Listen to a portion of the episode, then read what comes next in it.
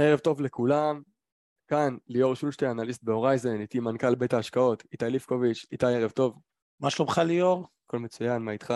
בסדר גמור, יש לנו היום אה, יום מעניין. אה, נפתח אה, הזדמנות באפיקי הריבית, אגרות החוב, ואנחנו נראה איך אפשר להרוויח מזה.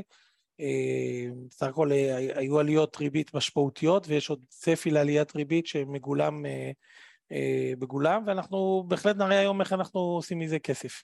נהדר, אז כסף זה דבר טוב, בואו נתחיל. יאללה. אז ככה, אנחנו קודם כל נדבר על הנושא שכואב לכולם, האינפלציה שבעצם אה, אה, מורידה לנו את ערך אה, הכסף.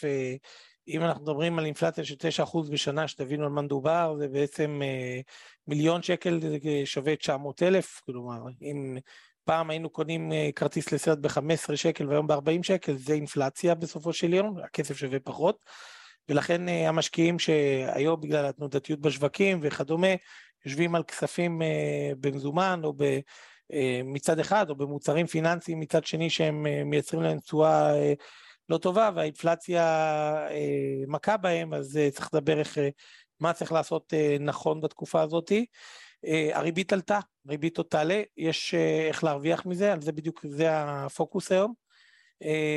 אנחנו הולכים כנראה גם לכיוון של אולי של איזה האטה כלכלית, מיתון, יכול להיות שיהיה מיתון חלש יותר, חזק יותר, איך, אה, איך מנהלים נכון אה, תיק השקעות בסביבה אינפלציונית עם מיתון, בתקופה של סטגפלציה, ואנחנו נדבר איך מנהלים בעצם אה, תיק השקעות סולידי שייתן תשואה טובה בתקופה שהיא מאוד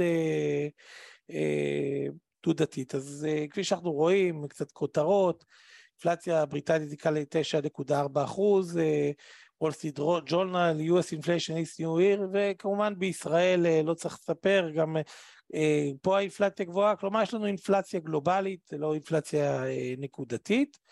אה, אז, אז זה מה שאנחנו בעצם ראינו.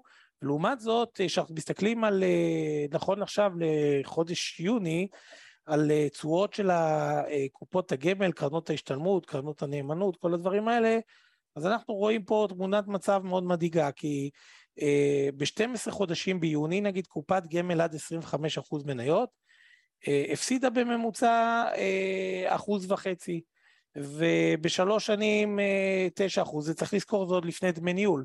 נוריד שלוש שנים של 0, דמי ניהול, 0.8 אחוז, לא משנה מה, נגיע לאזור ה-6 אחוז תשואה נומינלית, שזה נומינלית 2 אחוז לשנה.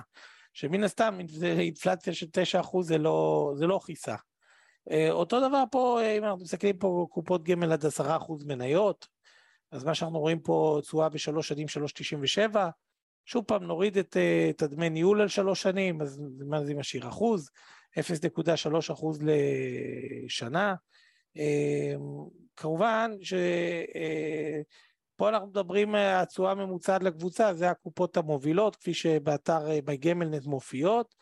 דרך אגב, מה זה מובילות? בשלוש שנים אינפיניטי 1.7, מנורה 3.37 בשלוש שנים, אחוז לשנה, אה, לפני דמי ניהול, אחרי דמי ניהול זה אפס, אה, עשרה אחוז מניות. דרך אגב, הדבר הזה קרה כמובן, שזה אתם רואים תשואה של 12 חודשים, של שנה, אבל מתחילת שנה כמובן המינוסים יותר גדולים, שבעצם הבעיה הגדולה שלהם זה שהם השקיעו מלכתחילה באג"חים חסרי תשואה, מי שיסתכל בפודקאסטים שלי בתחילת שנה, משנה שעברה, שיסתכל במה שכתבתי בדה מרקר, דיברתי על זה שאיגרות החוב היו בבועה, הבועה הזאת התפוצצה, ואנשים אה, לצורך העניין, אה, מי שלא לא ניהל את רכיב האג"ח שלו נכון, שוב לקורות שלנו שניהלו את רכיב האג"ח שלהם נכון, אז הדברים נראים אחרת לגמרי, כמובן אפשר להסתכל ב, באינטרנט לראות את הנתונים שלנו ולראות שיש לנו נתונים אחרים.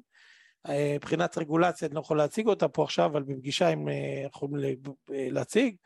בכל מקרה, כשאנחנו מסתכלים פה על הנתונים האלה, קופות גמל, תקל ללא מניות, בעצם שלוש שנים, חמש, שבע לפני דמי ניהול, אחרי דמי ניהול זה איזה שתי אחוז. אה, שורה תחתונה, אה, לא עשו תשואה בכל האפיקים האלה. בכל האפיקים הסולידיים, 25, 10 אחוז, כל האלה לא עשו תשואה. דרך אגב, אין פה מסלול כללי, שמת, אבל במסלולים כלליים ש-50 אחוז מניות, כמו השתלמות מסלול כללי, גמל 50 עד 60, אנחנו מדברים שוב פעם על תשואות מאוד נמוכות, תשואות ממוצעות של 2-3 אחוז לשנה. שזה מאוד מאוד נמוך יחסית לסיכון. תשואה ריאלית אפסית. נכון. עכשיו, בסביבה המקרו-כלכלית, לא נעשה פה עכשיו הרצאה מקרו-כלכלה יותר מדי, אבל בעצם יש לנו את הסיפור הגדול של רוסיה, עם אוקראינה, שזה משהו שאנחנו מבינים שעוד הולך להיות אה, אירוע ארוך. רוסיה ואוקראינה זה 30 אחוז מאספקת החיטה בעולם לדוגמה, אז זה משפיע לנו על מחירי חיטה, אה, חקלאות, אה, הרבה מגיע מהאזורים האלה, אנרגיה, מתכות, אז מן הסתם יש לנו איזושהי סיבה שמייצרת לנו אה, את כל הזעזועים האינפלציוניים. וכשאנחנו מדברים על הצפי עוד להעלות ריבית, אז הנה אנחנו רואים עכשיו את כתבות מהתקופה האחרונה, שתעלה עוד אחוז וחצי בשנה הקרובה, בנק ישראל ימשיך לעלות. כלומר, אנחנו גם נגיע לריבית, אה, ריבית הפריים תגיע ל-2.75 אחוז, שזה ריבית מאוד מאוד גבוהה. אז עכשיו, היום החוסך שהוא הולך אה, לבנק, אה, לא מציעים לו שלושה אחוז על הפיקדון שלו, הנה, אה, זה הפיקדונות, הנה, מה נותנים הפיקדונות בבנקים? אז חוץ מבנק ירושלים, עם ה-0.75, אז אתם רואים, הריבית מתפוצצת למעלה, האוברדרפט, דרך אגב, הריבית על האוברדרפט ועל המשכנתאות, הריבית המשכנתאות הושפעה ישירות, ולעומת זאת הפיקדונות לא זזו. כלומר, מצד אחד, הם לא, הבנק לא מעלה את הריבית על הפקדונות באופן מהותי, מצד שני, בום לתוך המשכנתה ובום לתוך האוברדרפט ישר, כל העלאת ריבית, איך אומרים? cha-ching. אז, אה, אה, אז אה, הבנקים עושים כסף בתקופה, מסך הכל אין לנו תחרות במערכת הבנקאית, בנק מזרחי קנה את איגוד השנה, אז אין לנו כבר יותר מדי תחרות במערכת הבנקאית, אה, אנשים לא הולכים לבנקים הקטנים, לבנק ירושלים, וזה בסוף, או לבנק הדיגיטלי, 1-0, אז אה, ששם הם נותנים כמובן יותר ריבית, אבל דרך אגב, בעולם, אה, בעולם מתוקן היה פה עכשיו, כמו בארצות הברית, 2% ריבית בפיקדון, אבל זה עולם מתוקן. דרך אגב, למה אני מדבר בעולם מתוקן? כי אם נסתכל על, על איגרת חוב נגיד של בנק לשנתיים שלוש, פתאום נראה שהאיגרת הזאת יודעת לתת 2.5% תשואה. כלומר, אם אתה הולך לשוק ההון שמתמחר את האגרות חוב יותר נכון מאשר כמה הבנק רוצה להלוות כסף מלקוחות שבויים, אז, אה, אז אתה רואה שהוא פתאום צריך לשלם אה, ריבית על החוב שלו. אז דיברנו הרבה על אה, אגרות חוב, עכשיו הגיע הזמן להסביר קצת למי שצופה בנו ולא מכיר כל כך לעומק את שוק ההון, מה זה אגרת חוב? כן, עכשיו, זה תמיד חשוב קצת שנבין איך זה עובד המנגנון. פה יש פה דוגמה, איגרת חוב של אה, חברת אה, אה, פתאל, אה, החזקות, אה, בתי מלות בישראל, אתם בטח מכירים את פתאל, אג"ח ג' שלהם, אז הוא נסחר מח"מ 4, זה אומר שבממוצע האג"ח הזה יחזיר את עצמו עם הקרן והריבית יחסית למחיר שהיום אנחנו קונים אותו, 90 אגורות, בארבע שנים, אוקיי? התשואה הברוטו שזה מגלם לפני מס זה 5.42, המס פה הוא שיעור המס כפי שאנחנו רואים פה. זה 15 אחוז אה, מס שקלי, אוקיי? ובעצם אה, מה שאנחנו אה, רואים זה איגרת חוב שהיא לארבע שנים, הפידיון שלה הוא, הוא, הוא לשיעורים, כלומר החברה תשלם את הקרן לשיעורים, משלמת כל חצי שנה אה, ריבית, הריבית היא 2.66 אחוז, אבל על מה הריבית? על 100 אגורות, שהאיגרת הזאת עכשיו ב-90 והיא תיפדה ב-100 אגורות. כלומר, היא נסחרת היום בפער, היא מתחת למחיר שהונפקה.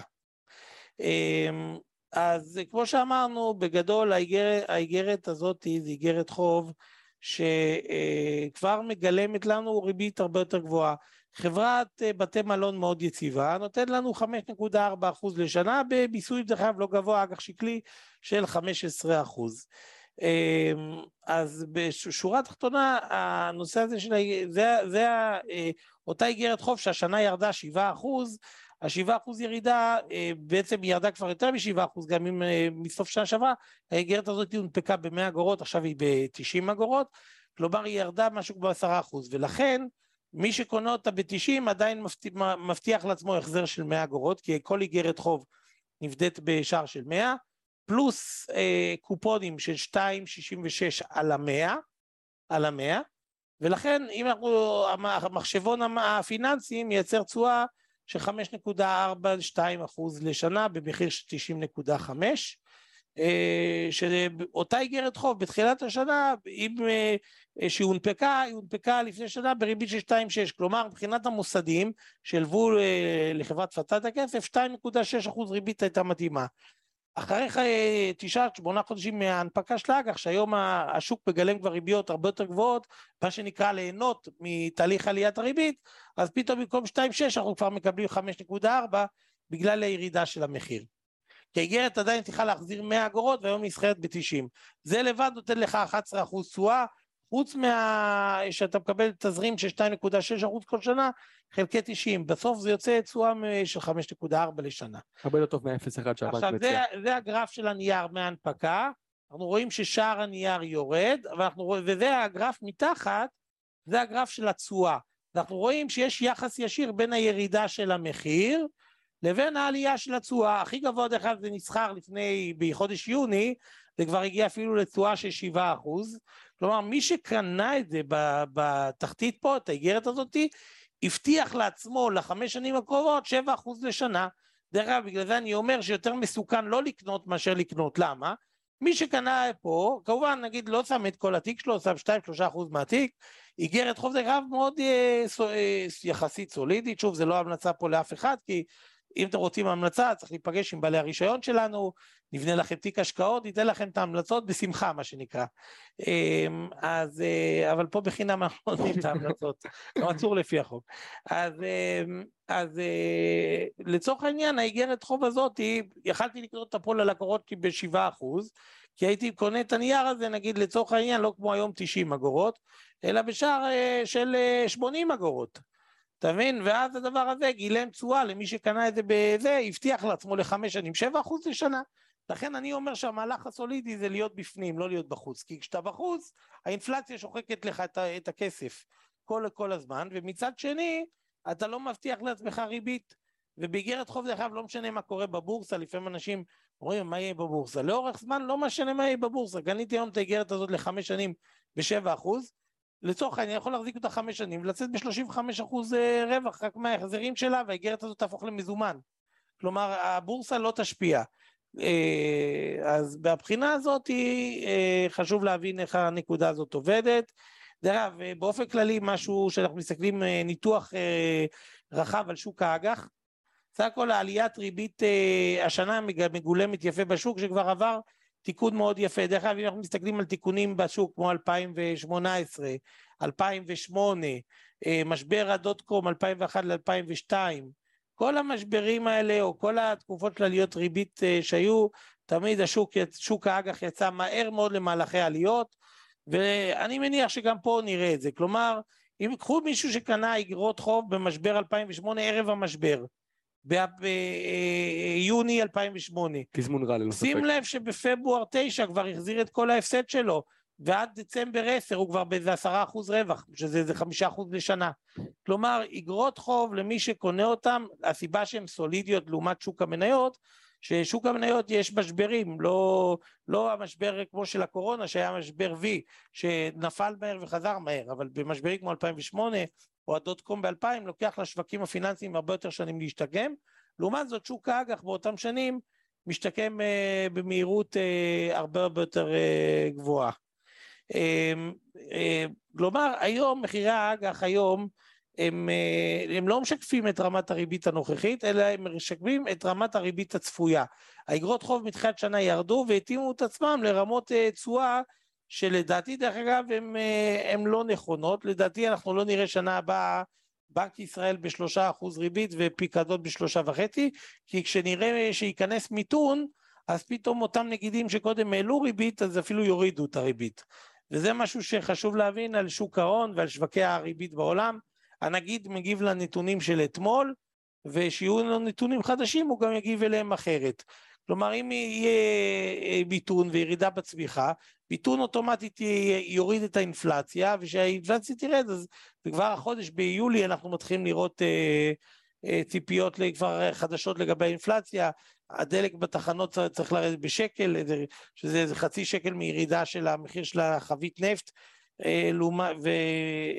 ומ-120 דולר ל-100 דולר ב, ביוני, וחלק מזה זה מהורדת מיסים. אז כפי שאמרנו, כבר אנחנו נתחיל לראות ירידה באינפלציה, דרך אגב, גם. גם החיטה בעולם ראינו יורדת, כבר מתחיל להירגע קצת המצב ברוסיה-אוקראינה. אה, ולכן, אה, אז שאנחנו רואים, יש כבר ירידה בריבית, לא עלייה בריבית, כי הצפי משתנה, ולכן, אה, של האינפלציה, ולכן אנחנו מרגישים מאוד בנוח עכשיו ברכישה של אגרות חוב, וניצול רמות הריבית המגולמות היום בשוק, שלהערכתנו הן גבוהות ממה שיהיה בפועל. נתנו פה איזשהו, ככה, אתם רואים, זה חטיבת המחקר של בנק ישראל, אומרת שעוד 12 חודשים האינפלציה תהיה 3.3 והריבית 2.75. דרך אגב, אם הייתם מסתכלים על ההערכות של בנק ישראל בינואר שהם פרסמו, אז הם דיברו על אינפלציה של, שהרבה יותר נמוכה, וריבית, דרך אגב, הם דיברו על להשאיר אותה, תעלה חצי אחוז או משהו מאוד מינורי. כפי שאנחנו רואים, בנק ישראל טעה, וגם היום הוא, יכול, הוא כנראה טועה. אמ, וזה בסדר, כי אה, הם לא, הם לא סוחרים בשוק ההון, תפקידם סך הכל אה, להגיב לשווקים. אה, שוק אגרות החוב הוא בתקופה של שינויים בריבית, זה שוק אגרות חוב שהוא בסופו של דבר שוק שהוא מאוד נוח לנו, כי אנחנו בעצם, השוק מגלם כבר בירידות השערים שלו רצועות הרבה הרבה יותר גבוהות, וזה ה... היתרון היום של בעצם של ה... אה, של להשקיע עכשיו, זה לנצל הזדמנויות ומחירים אה, מאוד אה, זולים שנוצרו בשוק אגרות החוב. כמובן שהמטרה היא של משקיע זה לא רק ליהנות מהריבית השוטפת, אלא גם ליהנות מעליית הערך. כי בעצם איגרת החוב היא נסחרת בשוק, וכמו שהיא ירדה, היא גם יודעת לעלות, מתי היא עולה? היא עולה שהציפיות, שוב הציפיות, הכל בנוי על ציפיות, הציפיות הן להורדת ריבית, כלומר מתי מורידים ריבית?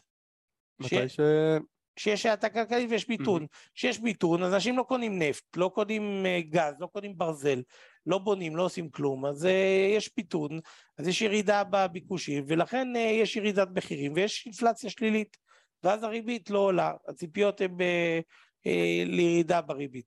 וזה קודם כל דבר שצריך להבין אותו. על מנת להאיץ כלכלה בעצם, כמו שאתה אומר. נכון. אז ולכן, שהצפי להעלות ריבית חייב בצפי לירידת ריבית, אנחנו נראה אה, רווחי הון. דרך אגב, שימו לב קצת ריבית בנק ישראל, במשבר הדוט קום, אוקיי? לפני המשבר היה פה, רואה, היה פה איזשהו אחרי משבר, היה פה עליית ריבית, ואז השוק חזר למטה. היה לנו את העלייה של סטדלי פיצ'ר מ-2009 ל-2011, ואז הריבית התאפסה, ועכשיו הריבית מתחילה להרים את עצמה אה, חזרה כלפי מעלה. אה, ולכן מה שאנחנו דרך אגב מחפשים זה אגרות חוב שאנחנו לייצר בהם רווחי הון. נגיד, קח את האיגרת הזאת פה של בונה תיכון.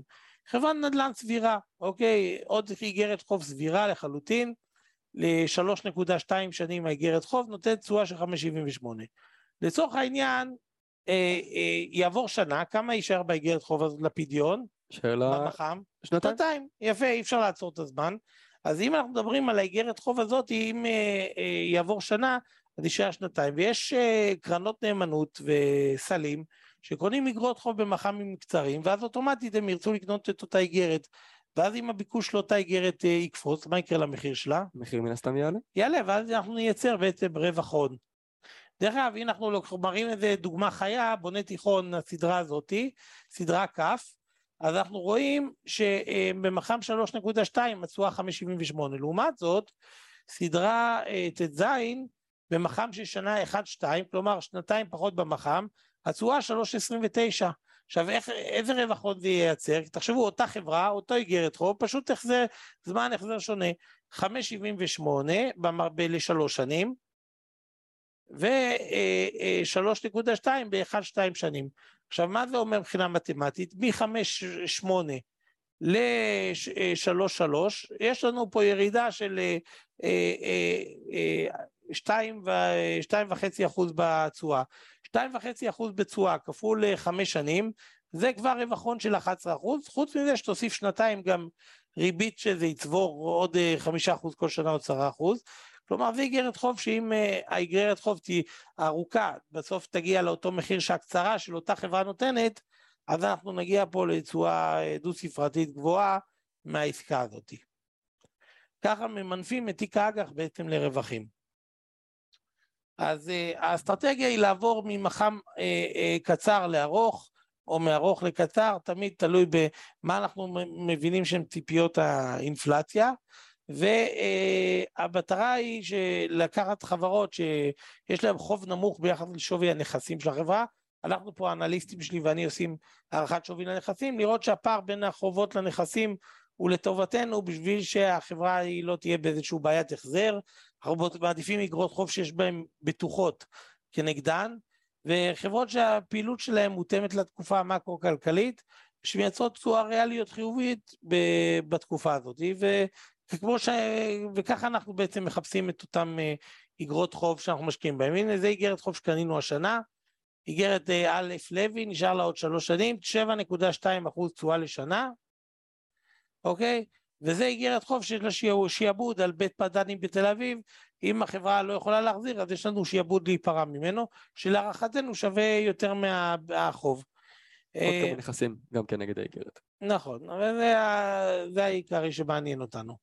אמ, אז אם אתם מחפשים לעשות איזושהי תשואה יחסית בסולידיות, בתיק ההשקעות או בקופת גמל דרך מכשיר שנקרא IRA, אנחנו יודעים בהחלט לעשות את זה, וההוכחה היא כמובן בביצוע.